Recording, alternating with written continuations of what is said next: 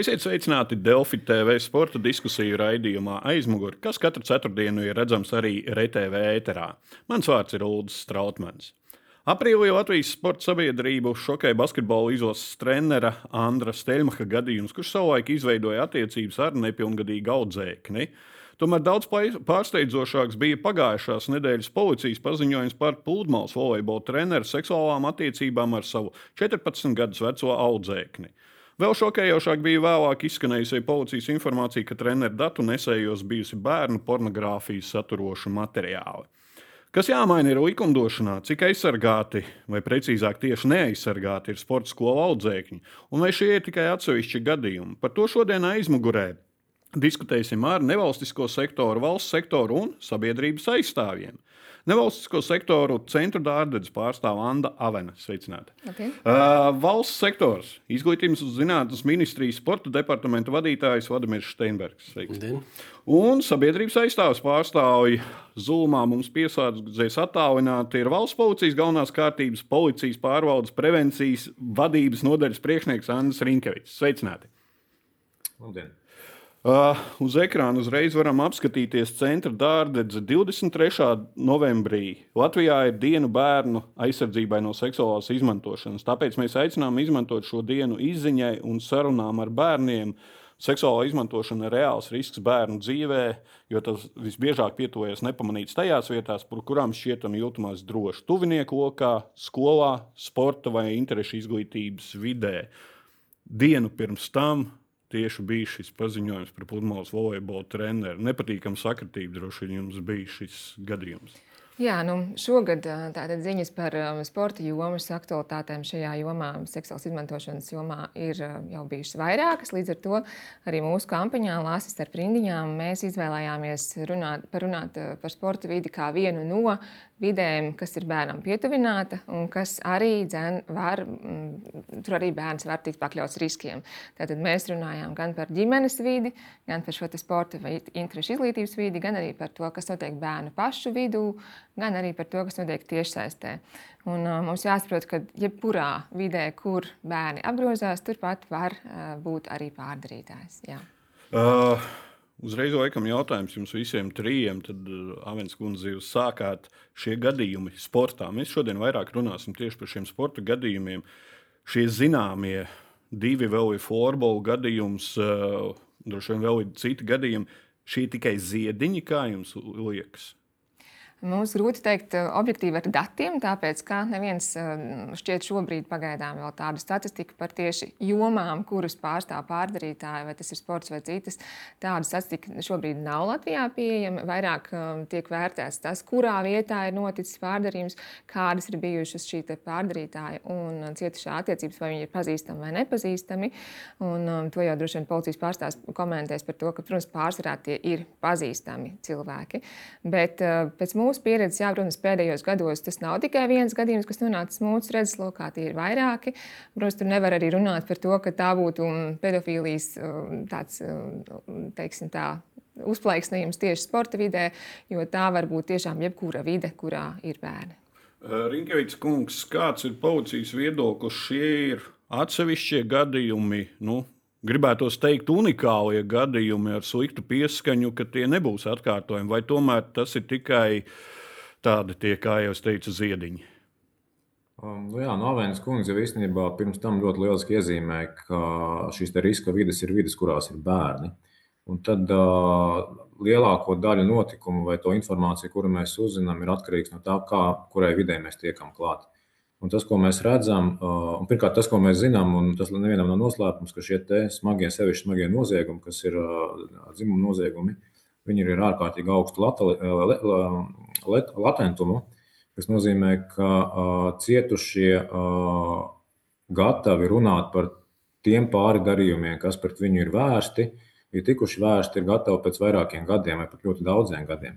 Ja viņi apzinās, ka pret viņiem vispār šāds noziegums ir veikts, Līdz ar to mēs nevaram, un es negribētu sportu izcelt kā īpaši šobrīd lielāku risku kā jebkuru citu vidi. Es, es, es teiktu, ka šobrīd mēs par sportu vairāk uzzinām tā iemesla pēc, ka šobrīd dažādos līmeņos šīs te šie riski tieši sportā ir aktualizēti. Un jo vairāk kaut kādu jomu vai kaut kādu vidi mēs aktualizējam, vairāk mēs runājam, jo vairāk ir šie gadījumi, jo vairāk arī cilvēki vēršas. Līdz ar to nu, jebkura gan mēdīju kampaņas, un paldies Dārgadzē par šīm aktivitātēm, ko viņa, ko viņa īsteno. Jebkura šāda aktivitāte publiskajā telpā, viņa, viņai līdzi nāk pietiekami liels skaits ar informāciju, un tas ir vienmēr, kur ne viss apstiprinās, ne viss ir pamatot, bet, bet no daļa īstenībā arī ir. Līdz ar to es vairāk teiktu, ka sports šobrīd ir uh, vairāk zem tāda, mm, nu, tāda sabiedrības un, un mūsu kopējā uh, nu, tāda palielināmā stikla, bet šie riski pastāv faktiski jebkurā vidē, jebkurā vietā, kur šie bērni ir klāti. Gan uh, skolas vide, gan, gan, gan nu, protams, treniņi, uh, pulciņi. Faktiski tās vietas, kur bērni ir prom no vecākiem un, un, un mājām. Vai tas ir vasaras nometne vai tas ir basēns, tam patiesībā ir otršķirīga nozīme. Steinberga kungs, jūs sākāt darbu neilgi, nu, cik neilgi, dažus mēnešus pēc Steļmacha gadījuma. Steļmacha gadījumu un tagad ir nākamais tāds lielais trieciens. Aprīlī Latvijas Sporta Federācija padomas um, prezidents Einars Fogels šeit studijā uh, diskusijā teica, ka sports ir tik zemu kā vēl nekad, bet tur bija saistība arī gan ar Olimpiskās komitejas skandālu, gan arī Steļmacha gadījumu. Tagad nāk vēl viens liels gadījums no aktuālām lietām nāks novērsties pie svarīgākām lietām? Nu, kopumā, kopumā sakot, sports nav tik zems, bet tās fundamentālās lietas droši vien ir sakārtojamas. Un, un, un ar nožēlu jākonstatē, ka mums ir ļoti daudz lietas, kas ir jāsakārto, sakot, kaut vai ar, kaut vai ar to pašu etikas vai sporta speciālistu certifikācijas. Un, pēccertifikācijas uzraudzības pasākumiem. Nu, tas ir lietas, kas ir nu, tādas nepopulāras, nepatīkamas, bet tas ir jāsakārto. Tas ne, ne, nedod kaut kādu tādu pu publisku labumu uzreiz, ja mēs to sakārtojam, ja, bet uh, tās ikdienas lietas, kas, kas, kas ir jādara. Uh, uzreiz atgriežoties pie pēdējā jaunākā gadījuma, cerams, ka varbūt pēdējā, cerēsim, uh, par pludmales volejbola treneri. Kad jūs uzzinājāt, kad izglītības ministrija vai viņi jau zināja šajā kaut kādā maijā, apmēram, kad policija bija informējusi par šo gadījumu cietušo pusi un volejbola federāciju? Mēs, diemžēl, uzzinājām no, no medijiem, no, no Delfiem. Precīzāk sakot, pirms tam tādas informācijas nebija. Tad sanāk, ka volejbola federācija, kur saņēma informāciju no valsts policijas, ka viņš ir šis te, uh, treneris, ir jāizolē, lai viņš nevarētu pietuvoties nepilngadīgām personām, izglītības ministrija kā virsuzraugs par šo nebija informēts.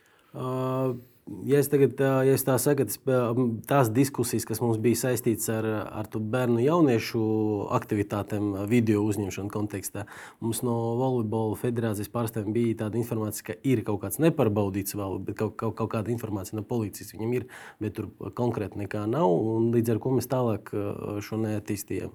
Jo, nu, laikam mēs saņemam tik daudz, cik uzskatīja, ka mēs varam saņemt to informāciju, kamēr viņi nav pārbaudīti. Bet par konkrētu gadījumu, pa gadījumu apstākļiem tikai no, no, no, no tā brīža, kad no medijiem uzzinājām. Droši vien Rinkevits kungs, jums jautājums ir.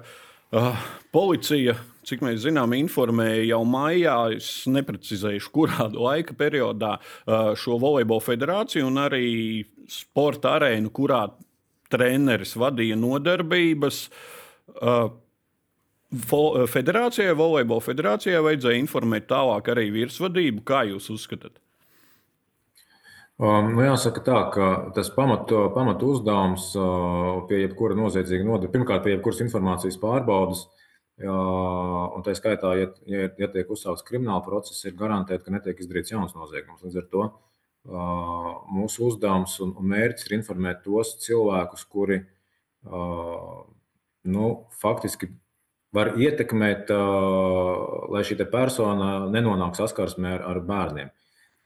Visas pārējās uzraudzības iestādes vai iestādes, kuras veido kaut kādu politiku un kuras iesaistās šajā procesā, viņas patiesībā šajā kontekstā ir sekundāras un, un, un ir iesaistāmas, manuprāt, tik tālu, cik, mēs pēc tam kopā runājam par to, kā vispār kopumā šo problēmu risināt un nepieļaut. Līdz ar to būtu jānošķir tās, tās darbības, kuras ir konkrēti nozieguma izmeklēšanā un saistītas ar konkrētu treneru vai konkrētu personu un viņu, uz, viņam uzliktiem ierobežojumiem, un kā garantēt, lai tās tālāk netiktu pārkāptas. Un otrs ir tā, tā, tā, tās vidas kopumā veidošana. Un attiecībā uz to vidi mēs patiesībā jau gan, gan ar kolēģi no Darbības, gan arī izglītības ministrijas esam tikušies un, un, un par šiem jautājumiem runājuši. Tā kā, manuprāt, būtu būtiski nodalīt šos divus aspektus.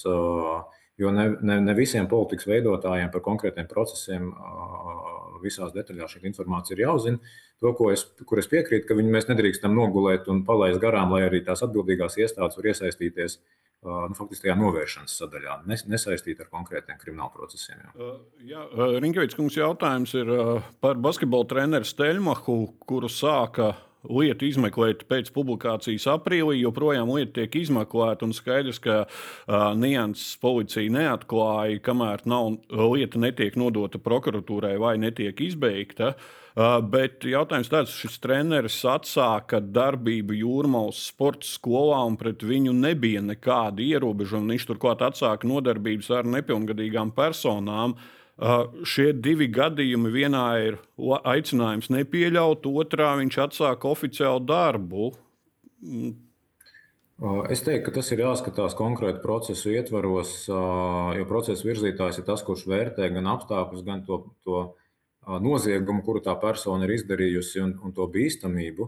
Un tur ir ļoti daudz aspektu, kas ir jāņem vērā, kurus laikam es nedrīkst šobrīd iztirzāt. Bet šie noziegumi viens no, viens no otra īstenībā būtiski atšķirās. Līdz ar to vispārināt to, to, to laikam nedrīkstētu darīt. Procesa virzītājs šos apstākļus izvērtē, un ja nav nav pamatotas bažas par to, ka šī persona varētu veikt jaunu šādu rakstura noziegumu, nu, tas visticamāk būtu pat arī nesamērīgi un nevajadzīgi uzlikt viņam tādas ierobežojumus, kas nav saistīti ar šī te, uh, iespējamo noziegumu atkārtošanos. Es piekrītu, ja mēs runātu par personu, kurai faktiski uh, ir, uh, ir pedofils uh, un kura nu, nonāk saskarsmē ar, ar citiem potenciāliem upuriem, nu, tur visticamāk šādā kontekstā uh, nerīkošanās būtu, būtu nepiedodama. Bet tie katra apstākļi tiešām individuāli jāvērtē. Un, un procesa, procesa virzītāja uzdevums ir saprast, vai šie drošības līdzekļi vai tās prasības, kuras mēs piemērojam vai lūdzam piemērot, vai viņas ir atbilstošas, lai novērstu iespējamu atkārtot noziegumu. Centrs Dārdedze kā uzskata šie mūsu pašreizējā policijas rīcība un tiesību sargājošo citu iestāžu darbības ir pietiekamas, lai novērstu prevenciju jau darbotos? Nu, mums arī radās tādi jautājumi par to, ja izskanēja publiska informācija par to, ka um, arī basketbola treneris, uh, neraugoties uz to, ka lieta ir ierosināta, tomēr turpina strādāt ar bērniem, kamēr vēl rezultāti nav. Tas radīja jautājumus, vai, vai, šis, uh, vai tomēr krimināllietas ierosināšana nav pietiekams apsvērums, lai ar bērniem šajā periodā tomēr nestrādātu, kamēr spriedums nav stājies spēkā tāds vai citāds. Un, um, protams, um, arī daži citi aspekti par to, ka, ja mēs runājam par prevenciju, um, kā jau jūs varbūt zināt, ka mums ir šobrīd nu, spēkā bija visa novembra kampaņa, kurā viens no plakātiem runāja par treneri kā par potenciālu pārdarītāju. Un tas, ka tieši jūrmalā mums pateica, ka mēs šos plakātus nevaram izvietot, nu, pareizi sakot, viņi ir jānoņem, jo tie aizskar treneru godu vai arī patēva godu, kas ir minēti kā potenciāli pārdarītāji zinātnē. Nu, tas likās mazliet um, jautājums raisoši, vai tas, šis lēmums likās diezgan apšaubāms, īpaši ņemot vērā to, ka tieši jūrmāla ir tāda, nu, diezgan tāds jutīgs punkts šajā Latvijas kartē. Informācija, un tas atkal raisa aizdomas par šo godprātību kaut kādu. Un, uh, Protams, mēs varētu saprast, ja šī kampaņa kopumā varētu šķist uh, mulsinoša, un mēs par to varam runāt, par to, vai, vai mēs pārkāpjam kaut kādas ētikas normas vai nē. Uh, mēs uh, uzskatām, ka tomēr minot kā piemēru, ņemot vērā to, ka gan pasaulē, gan Latvijā tomēr šādi gadījumi izskan, ka šis piemērs ir pietiekami adekvāts, jo mēs nerunājam tikai par treneriem vai tikai par patēviem, mēs runājam par vairākām vidēm, par vairākiem piemēriem.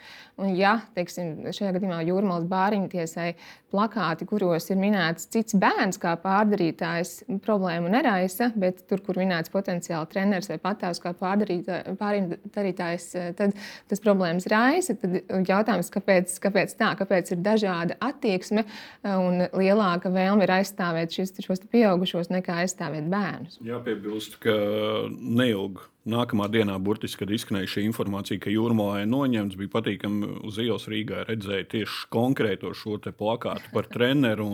Tad, zinām, iekšēji bija pašam tāds prieks, ka ir pilsētas un vidas, kurās mēs šo informāciju liekam, neskatoties uz saviem kaut kādiem iekšējiem aizspriedumiem. Izglītības ministrijā jaunais sporta likums. Es saprotu, ka ar policiju sadarbojoties, droši vien arī sporta likuma izstrādē, arī ar centra dārdetes droši vien sadarbojoties ko mēs šajā jomā varam ielikt tieši sporta likumā iekšā? Nu, sporta likumā mēs, mēs tā, esam pavirzījušies vienu soli uz priekšu. Tagad bija neliela pauze, kad mēs apkopojam tos iesūtītus priekšlikumus. Mēs plānojam decembra uh, vidū decembra otrā pusē jau ar tādu pirmo pirmo, pirmo draftu turpināt strādāt ar, ar, ar iesaistītām pusēm. Būs, šodien mēs arī ar pārstāvjiem, Dārdas pārstāvjiem esam vienojušies, ka mēs arī kā uzaicināts personas varētu kāda no, no tikšanās reizēm pieaicināt, lai arī no, no viņu skatu punkta izvērtētu tos punktus, kas tur būtu iekļaujams. Bet sporta likums uh, nu, tomēr likumā nebūtu pareizi iekļaut tādas lietas, kas nav saistītas ar šīs nozares sakārtošanu. Tāpēc tas jautājums, ko mēs varam kontekstā ar sporta speciālistu, sporta speciālistu certifikāciju un uzraudzību darīt, tad to mēs noteikti arī iekļausim. Jo šobrīd, piemēram, mums ir sporta likums paredz, ka drīkst strādāt tikai certificēti sporta speciālisti, bet neviena cita dokumenta nav noteikts, kas notiek tad, ja šīs nosacījums tiek pārkāpts un, un kurš īsti to uzrauga un kā rīkojas gadījumā, ja tas tiek konstatēts. Tad, respektīvi, no mūsu puses sporta likuma konteksta mums jācenšas sakārtot tieši šo speciālu certifikāciju, pēc certifikācijas uzraudzību. Un, gadījumā, ja tiek konstatēts, ka kāds strādā bez attiecīga certifikāta vai izglītības, tad, kurš atbild tajā brīdī, ko mēs darām tajā brīdī. To mēs esam apņēmušies arī sporta likumu un, un, un, un citos dokumentus sakārtot. Otrs moments, ko mēs, ko mēs varētu darīt, tas ir recertifikācijas periodā, kas ir šobrīd ir pieci gadi no, no pirmās certifikācijas. Nākamajā certifikācijā ir noteikts uh, nepieciešamo stundu skaits vai kursu skaits, kas, tā, ka, ko tam trenerim būtu jāiziet, lai viņš varētu certificēties vai, vai sporta speciālistam. Šajā sakarā noteikti ir vēlme konkrēto saturu iekļaut tajos kursos, lai tie nav vienkārši nu, nezinu, taktiski aizsardzības uh, kursi, uh, kādas no sporta veidiem, bet ir konkrēti šobrīd mums ir prasība par uh, bērnu tiesību aizsardzības kursiem, bet uh, šeit arī tieši mēs gribētu uh, iekļaut piecu gadu resertifikācijas perioda konkrētu tematiku. Uh, ko obligāti būtu jāiziet, vai tas ir ētikas, vai tas ir nezinu, konkrēta gadījumā krimināla likuma, zināšanas par kriminālu likumu, ko ir aizliegts darīt, un ko attiecīgi arī jāiznes līdz tiem sportistiem no vienas puses, kas korelējas ar to basketbolistu jauniešu izlašu gadījumu, vai no otras puses, lai tie treneri arī labāk zinātu, ko viņi drīkst, cik tuvu komunicēt ar speciālistiem un tā tālāk. Un lai tā būtu obligāta sadaļa resertifikācijas gadījumā. Vai kaut ko domājat mainīt tā, lai uz šo te, ko mēs jau iztirzējām, runājām ar policijas pārstāvu un centra dārza šiem gadījumiem, kad kam, kadār, kamēr ir lieta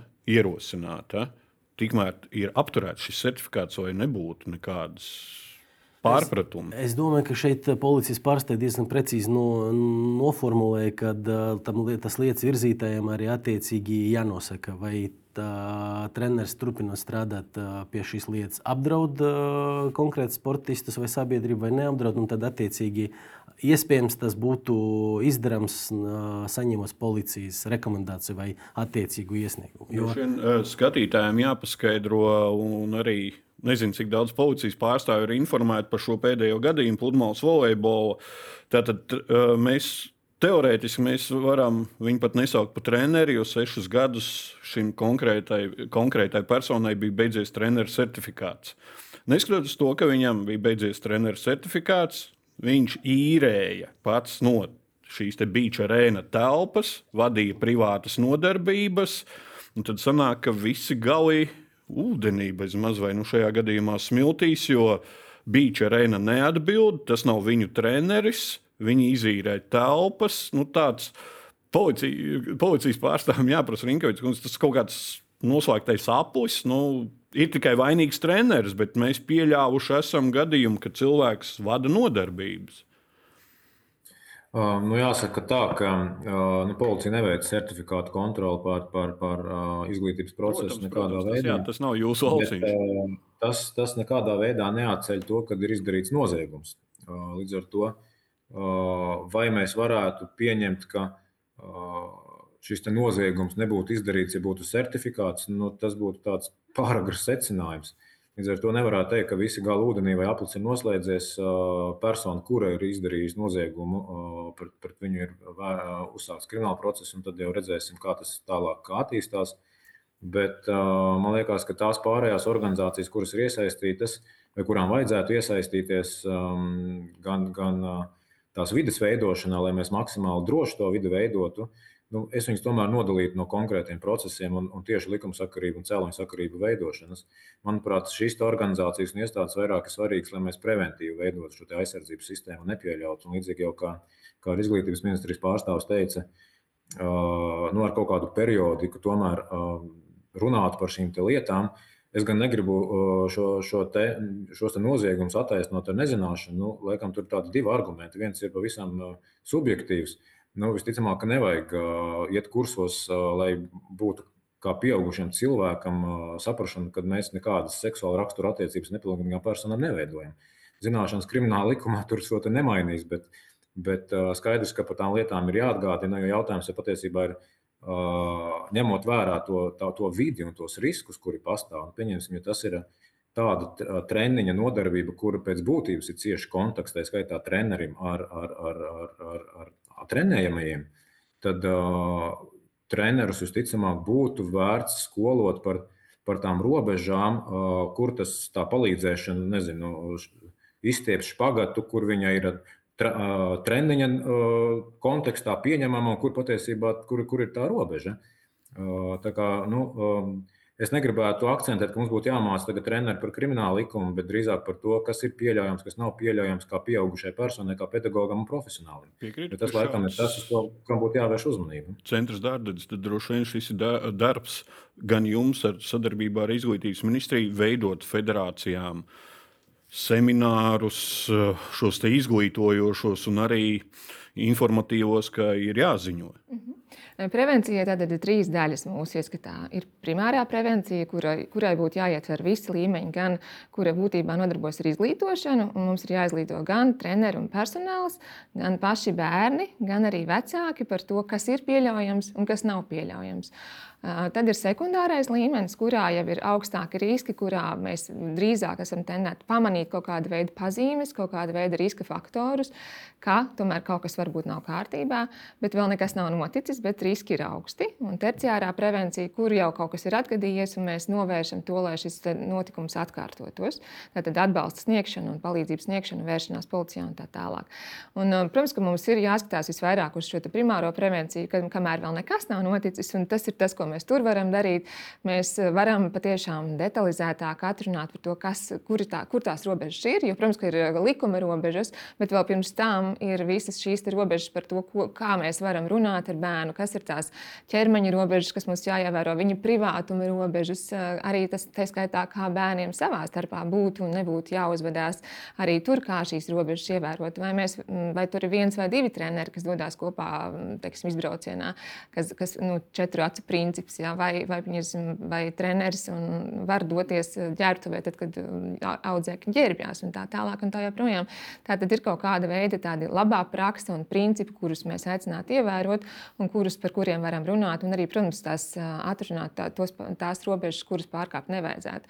Bet ļoti būtiski ir arī tā otrā daļa par to, kas tad ir tās pazīmes, ka kaut kas nav kārtībā un ko darīt, kas, kas, kam ir jāziņo. Skaidrs, ja mums ir aizdoms par likuma pārkāpumu vai noziegumu, mēs ziņojam policijai, bet uh, arī citu valstu pieredzi. Piemēram, šobrīd skatījos Islandes piemēru, mm, kad tur ir izveidota speciāla organizācija vai ziņošanas kanāls, eh, kas konsultē eh, sporta jomu, kas konsultē trenerus, un tā skaitā, kam var ziņot un konsultēties arī paši bērni vecāki eh, par šiem pārkāpumu gadījumiem vai par incidentiem. Tad, kad tas nav vēl noziegums, bet tad, kad ir kaut kāda veida neskaidrības, ko darīt, kā darīt labāk. Un tāpēc droši vien mēs apsvērtu iespēju, ka arī Latvijā ir vajadzīgs kaut kāds skaidrs kanāls, ar ko runāt par šo tēmu, lai viņu sakārtotu. Nevis tad, kad jau ir viss noticis un kad ir policija jāiesaista, bet tad, kad vēl nav noticis. Izglītības ministrijā, acīm redzot, šobrīd ir darbs šajā jomā vēl veidot kādus seminārus, izglītojošos un informatīvos materiālus. Pastiprināt, ņemot vērā šos gadījumus. Nu, ta, ta, tas noteikti, jā, bet tu jau kādam, nu, nevis sporta departamentam, bet kādai attiecīgi kompetentai struktūrai jādara. Un, un šajā sakarā mēs skatāmies uz uh, anti... Sportā mums ir tāda. Diemžēl mēs arī, kad, kad atkal jāatgriežas pie tā basketbola jauniešu gadījuma, kad mēs esam aicinājuši arī attiecīgas virsorganizācijas virs pēc iespējas īsāka laika perioda izstrādāt tādu visaptverošu etikas kodeksu, kas būtu saistošs visām federācijām, ko federācijas varētu integrēt pie sevis. Nu, pagaidām mēs kādu konkrētu rezultātu neesam sagaidījuši. Jo, diemžēl tas viss ir iestrēdzis, un, un mēs secinām to, ka mums pašiem vairāk jāiesaistās nozares regulēšanā, neskatoties to, ka mums ir vairākas tādas virsorganizācijas, nevalstiskas, un mums vairāk ir jāiesaistās. Mēs šobrīd skatāmies uz uh, vienotas valstiskas organizācijas, uh, kas apvieno sevi antidopingu, integrity un šos safeguarding jautājumus, tā skaitā etikas jautājumus. Un runājot ar federācijām, uh, arī federācija es eh, piekrītu, ka tas būtu labs risinājums, kur nevis katrai federācijai būtu pa etikas jautājumi jārisina pašiem vai kaut kādi lēmumi pieņemt, bet vienota organizācija, kas varētu attiecīgu pieņemt tādu saistošu lēmumu visiem, ko būtu jāpilda gan gan federācija, gan arī attiecīgam personam, kas iesaistīts tajā. Atgriežoties pie certifikācijas jautājuma, ko jau minējāt, vai šī būs administratīvie sodi droši vien par pārkāpumiem, ja strādā bez certifikāta, Vai kāda? Nu, tas, tas būtu loģiski, jā, bet uh, atgriežoties pie tā gadījuma, trenerim mēs... sots, organizācija, federācija. Uh, mēs diskutējam par to, ka federācijām varbūt varētu uzlikt pa pienākumu šo kontroli. Nu, tad, tad tas nozīmē, ka mums attiecīgi arī jādod finansējums, ja mēs uzliekam kādu uzdevumu federācijām to kontrolēt. Bet uh, tiem, kas pārkāpj speciālistiem, noteikti tas varētu būt kaut kāds sekas, jā, vai tas administratīvais pārkāpums, ja tas tiek konstatēts kā administratīvais pārkāpums, bet par to, kuram būtu jāuzrauga, tas ir diskutabls vēl jautājums. Jo nu, man grūti iedomāties, ka kāda nezinu, vai futbola federācija, ja tas ir viņu biedrs, jā, bet ja tas ir konkrēti gadījumi, ka bija kaut kāds privātais klubs, kurš trenē nemaz nav saistīts ar, ar konkrētu federāciju, kā lai mēs no federācijas prasām atbildību, pa, lai viņi izkontrolē to, kas ar viņiem nav, nav saistīts, nu, tur diezgan problemātiski. Tā, drīzāk tas varētu būt arī infrastruktūras uzturēšana uzturētāja vai īpašnieka atbildība par to, ka viņi pieļauj, ka pie viņiem nodarbības organizē speciālisti, kuriem uz to tiesību nav. Uh, Rinkevits kungs, jautājums jums par uh, šo izmeklēšanu un nonākšanu līdz tiesai. Steļmaha gadījumā jau ir pusgads pagājis, vairāk kā pusgads. Lieta vēl nav līdz prokuratūrai. Otrā gadījumā jau ir prokuratūrā, un cik zina, zinu, prokuratūra arī ir izvirzījusi oficiālas apsūdzības. Tā kā tā, šī lieta ies uz tiesu. Bet uh, jautājums ir tāds, cik sarežģīti ir izmeklēt šīs lietas par seksuāliem pārkāpumiem, īpaši treneris Teļmacha gadījumā pēc vairākiem gadiem tas ir? Um, nu es neesmu pilnvarots konkrētus kriminālu procesus komentēt, es vairāk uz to vispārīgi atbildēšu. Um, skaidrs, ka dzīvo noziegumi pēc būtības nav, nav, nav viegli, un ne, ne tikai no izmeklēšanas viedokļa, viņi nav viegli no tā cietušā viedokļa. Atkarīgs no, protams, no tām darbībām, kas pret viņu ir veiktas. Uh, nevienmēr šie dzimuma noziegumi iet, ietver uh, vardarbību. Uh, viņi nereti ir arī faktiski apus, apusēji brīvprātīgi iesaistoties, tomēr nu, jebkurš dzimuma kontakts ar personu, kur nav sasnieguši 16 gadus, viņš, viņš ir aizliegts. Līdz ar to, ja mēs runājam par šīm izmeklēšanas darbībām, tad, protams, ja ir, ja ir vardarbība un pret personu ir vērsta vardarbība, un šis dzimuma noziegums ir veikts vardarbīgi, tad cietušie uh, gatavi runāt ir uh, pēc ļoti uh, ilga laika, tad, kad viņš šo procesu patiesībā, nu, drīkst tā teikt, tā ir sagramojuši, izgājuši cauri un sapratuši, jo viņiem ir nepieciešama atbalsta persona, kur palīdz vispār tam procesā sagatavoties un iziet cauri. Un, protams, ja ir pagājuši desmit gadi, tad faktiski visas pēdas ir zudušas un tie pierādījumi var būt tikai netieši. Uh, Līdz ar to, ja mēs skatāmies no tāda nozieguma izmeklēšanas viedokļa, tad jo ātrāk pēc noziedzīga nodarījuma mēs izmeklēšanu uzsākam, jo lielākas iespējas ir savākt pierādījumu kopumu. Savukārt, no tāda cietušā viedokļa, tie nereti tiešām ļoti daudz gadu, kas ir pagājuši. Tad vairāk kā personas liecības patiesībā mums nekas nav. Jo visas fiziskās pēdas, nu, viņas, viņas vienkārši ir likvidētas, vai, vai laiks viņas ir likvidējis. Uh, Līdz ar to dzimuma noziegumu nekad nav viegli kaut vai šo pašu divu apstākļu pēc. Tie ir pietiekami sarežģīti izmeklējumi, izmeklēšanas gadījumi. Lielākajā gadījumā ātri viņi ir tad, kad pārkāpums faktiski vai noziegums ir redzams, viņš ir tūlīt faktiski bijis, viņu viegli pierādīt dēļ nozieguma satura. Un tā skaitā arī, ja pati cietusī persona ir, ir gatava sadarboties. Nereti arī cietušās personas vienkārši nav gatavas emocionāli kaut vai sadarboties izmeklēšanas procesā. Kungs jau minēja šo emocionālo faktoru. Viens ir pārdarījums, šī cietusī persona sanāk cieši vēl vairākas reizes. Viņai pārdarījums krimināla nozieguma laikā. Un tad tev ir jāsadarbojas ar valsts policijas pārstāvjiem un atkal emocionāli jāiet cauri, cik dārdzene palīdz bērniem bērnu vecākiem šajos gadījumos? Kādas ir iespējas valstiski? Jā, nu, protams, ka jāatcerās, ka seksuālas izmantošanas gadījumos diezgan reti būs, nu, samērā reti vai proporcionāli mazāk ir tā daļa, kas ir tāda. Nu, To, ko mēs saucam par izvarošanu, ja, kur ir kas notiek fiziski ar brutālu spēku un tā līdzīgi. Tāpēc daudz biežāk ir tādi gadījumi, kuros fiziski konstatēt pārdarījumu nav iespējams, un patiešām cietušā liecība un citi apkārtējie pierādījumi par, te, par šīm attiecībām, iedraudzināšanu, manipulācijām un, un, un fotografijām un tā tālāk būs vienīgie pierādījumi. Mm, protams, ka gan no bērna interesēm, gan no mm, šīm rehabilitācijas interesēm, gan no izmeklēšanas interesēm, jo ātrāk mēs par to uzzinām, jo labāk mēs pas, varam pasargāt gan šo cietušo bērnu, gan arī droši vien vēl citus cietušos bērnus, kas ir cietuši vai varētu ciest no šī pārdarītāja. Tāpēc ir ārkārtīgi būtiski, lai vecāki un pedagogi, visi tie cilvēki, kas ir apkārt bērnam, pamanītu arī eh, nepateiktos signālus, ja izmainās bērna eh, vai pusē pusauģa uzvedība, ja kļūst ārkārtīgi noslēgta vai arī tieši otrādi agresīva, ja ir um, paškaitējoša uzvedība pret savu ķermeni, um, tas viss var liecināt arī par seksuālas izmantošanas pieredzi. Mums ir ļoti uzmanīgi jārēģē uz to, kas, kas varētu būt atgadījies. Bet, eh, protams, ka arī valstiski notiek tādi centieni iet uz to, lai bērnu traumētu mazāk arī šajā procesuālajā vidē. Tāpēc arī tiek, tika izveidota zem inspekcijas bērna māja, Eh, ar domu eh, vienu vietu nodrošināt to speciālistus, kādas pārbaudas un kādas nopratināšanas darbības ir nepieciešamas šajā krimināla procesa pusē, lai eh, bērnam nu, pēc iespējas mazāk mm, viņu vadātu pie dažādu veidu speciālistiem. Tas nav šobrīd darbības kompetencē, bet tas ir zem valsts bērnu tiesību aizsardzības inspekcijas bērnu mājas kompetencē. Bet, jā, protams, ka katra tā saruna par šo tēmu ir atkārtota tā traumas uzplēšana, un tāpēc arī arī ir ļoti būtiski, lai pēc iespējas drīzāk pēc notikušā šī saruna ar bērnu notiktu. Un šeit arī jāpiemina tas, ka patiešām var būt tādas nesaprotamākas situācijas, kurās varbūt tas pats bērns pat nesaprot, ka ir noticis pārdarījums. Varbūt tikai pēc kāda laika apzinās to, ka tās robežas ir pārkāptas, jo tiešām arī šī iedraudzināšanas ceļš vai manipulēšanas ceļš ir pietiekami izplatīts. Tas nevienmēr ir tik skaidri, ka tas ir noziegums.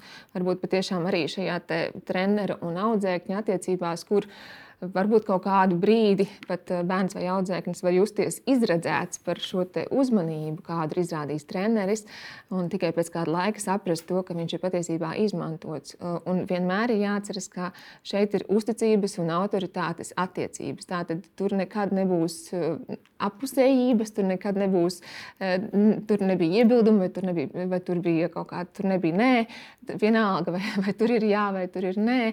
Vienmēr, kad, kad mēs runājam par attiecībām, caurskatāms starp audzēkni un treneri, būs šīs autoritātes un uzticības attiecības, tāpēc šīs attiecības nav pieļaujamas. Mēs runājām šobrīd par seksuālo vardarbību, bet arī psiholoģiskā un fiziskā vardarbība. Ik pa laikam ir dzirdēts sporta jomā, ka tāds un tāds treneris piekopja vēl padomu laiku treniņu metodes, kur ir arī roku palaišana un tā tālāk. Cik ir dzirdēts par šādiem gadījumiem? Mēs regulāri saņemam iesniegumu par, gan par fizisku, gan arī par emocionālu vārdarbību. Regulāri šos iesniegumus izglītības kvalitātes valsts dienas izvērtē, izskata un tad attiecīgi arī uh, pieņem kaut kādas lēmumus vai rekomendācijas. Nu jā, paskatīsimies uz ekrāna par uh, noteikumu par certifi treneru certifikātiem. Sestais punkts - certifikāta anulēšanas kārtība. Certifikātu var anulēt, ja sporta speciālists pārkāpj sporta nozara regulējošos normatīvos aktus vai sporta ētikas normas. Uh, ir kaut kāds apkopojums, cik mums ir treneri zaudējuši certifikātu šo ētikas normu pārkāpumu dēļ. Pēdējos gados, gados neviens arī štam gadījumā atbildīga institūcija, Sports Federācija padomu attiecīgi komisija izskatīja un ne, nesaskatīja pamatu, lai atņemtu certifikātu. Policijai laikam noslēdzošais jautājums.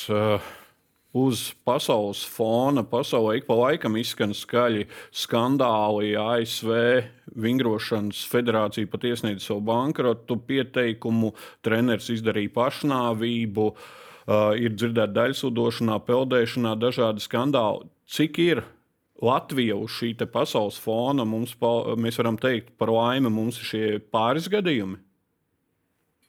Um, es laikam teikšu tā, ka mēs vienkārši uzzinām par pāris gadījumiem. Mums visticamāk, nevienam no iesaistītiem ekspertiem par patieso kopainu laikam jausmas tomēr nav. Jo šie noziegumi ir, ir ārkārtīgi latenti, un viņi, uh, jo tie nav, uh, kā Vēns kundze jau teica, tie nav tādi klasiski noziegumi, kur ir uh, ar vardarbību un kur, kur, kur viena puse ir ar, ar, ar, ar varu piespiedusi kaut ko otru darīt. Tie vairāk ir tiešām tādi iedraudzināšanas un manipulatīvi noziegumi, kur patiesībā cietušais pat neapzinās, kas ar viņu tiek izdarīts. Līdz ar to es godīgi varu teikt, un zinu, ka citās pasaules valstīs tās, tās vērtējums ir līdzīgas, ka mēs lielāko daļu pat nemaz neuzinām, tāpēc ka cietušais pat nekad neapjēgs, ka pret viņu ir vērsts noziegums. Un, un līdz ar to uz pasaules fona es neteiktu, ka mēs izskatāmies slikti, bet uh, vai mēs būtu kaut kāda īpaša riska valsts. Bet mēs nevaram teikt, ka tas ir tikai tāpēc, ka Amerika ir tā teikt, viss sliktums notiekās Amerikā. Ļoti daudz kolēģi no Amerikas Savienotajām valstīm par šīm tēmām runā. Viņiem ir ļoti teikt, publiska šī cīņa pret uh, seksuālu vardarbību. Iespējams, ka tas arī daudz ko izskaidro. Jo tik tiešām, jo vairāk mēs runājam, jo vairāk mēs iesniegumus redzam, un turklāt uh, ne tikai sporta jomā, mēs šobrīd vairāk dienas kārtībā mums ir sporta joma nonākusi, bet tas ir jebkuras uh, jebkuras vides, kurās ir bērni ilgstoši uzturās, gan mācību iestādes, tā skaitā pedagogi, kas, kas māca, nu, pasniedz jebkuru citu māc, mācību priekšmetu, attiecības starp, tā skaitā starp skolotājām, sievietēm un, un skolēniem. Arī tādi gadījumi ir. Tā kā nu, sports šobrīd mums ir tiešām nonācis dienas kārtībā, bet viņi nav īpašāki. Uh, kā jebkura cita joma. Vienīgais, laikam, tas riska moments ir tas, ka tas fiziskais konteksts mums jāskatās pēc tām vidēm, kur tas fiziskais konteksts vienkārši ir lielāks, jo tas, tie riski tur pastāv augstāki. Teikšu jums visiem lielu paldies par šo diezgan nepatīkamo diskusiju, par nepatīkamu tēmu, bet ir jārunā un būsim atklāti un cerēsim, ka šie ir tikai atsevišķie gadījumi. Un noslēgumā es citēšu centra dārdzes mājaslapā publicēto informāciju, ko arī redzēsim uz ekrāna. Ja kurš cilvēks, kuram rodas aizdoms par aktuāliem bērnu seksuālās izmantošanas riskiem, tiek aicināts nekavējoties ziņot policijai 110 vai uzticības tālrunim 116, 111. Tā kā ne visi vecāki ir iesaistīti bērnu dzīvē, zinošiem un vērīgiem par bērnu seksuālās izmantošanas pazīmēm, jābūt arī pirmskolu personālam, skolu pedagogiem, interešu izglītības un sporta pulciņu vadītājiem un bērnu draugu vecākiem. Ziņošana var palīdzēt pasargāt ne tikai savu bērnu, bet arī atklāt noziegumus pret citiem bērniem. Un atgādinām, ka dzimuma noziegumiem nav noilguma un ziņot iespējams arī par agrākiem notikumiem. Šis bija Delfi TV sporta diskusija raidījums aizmugure, kas katru ceturtdienu redzams arī RTV ēterā. Raidījums aizmugure pieejams arī Apple un Spotify podkāstos. Mans vārds ir Ulrichs Strautmans. Sargāsim bērnus no vārdarbības. Tiekamies pēc nedēļas!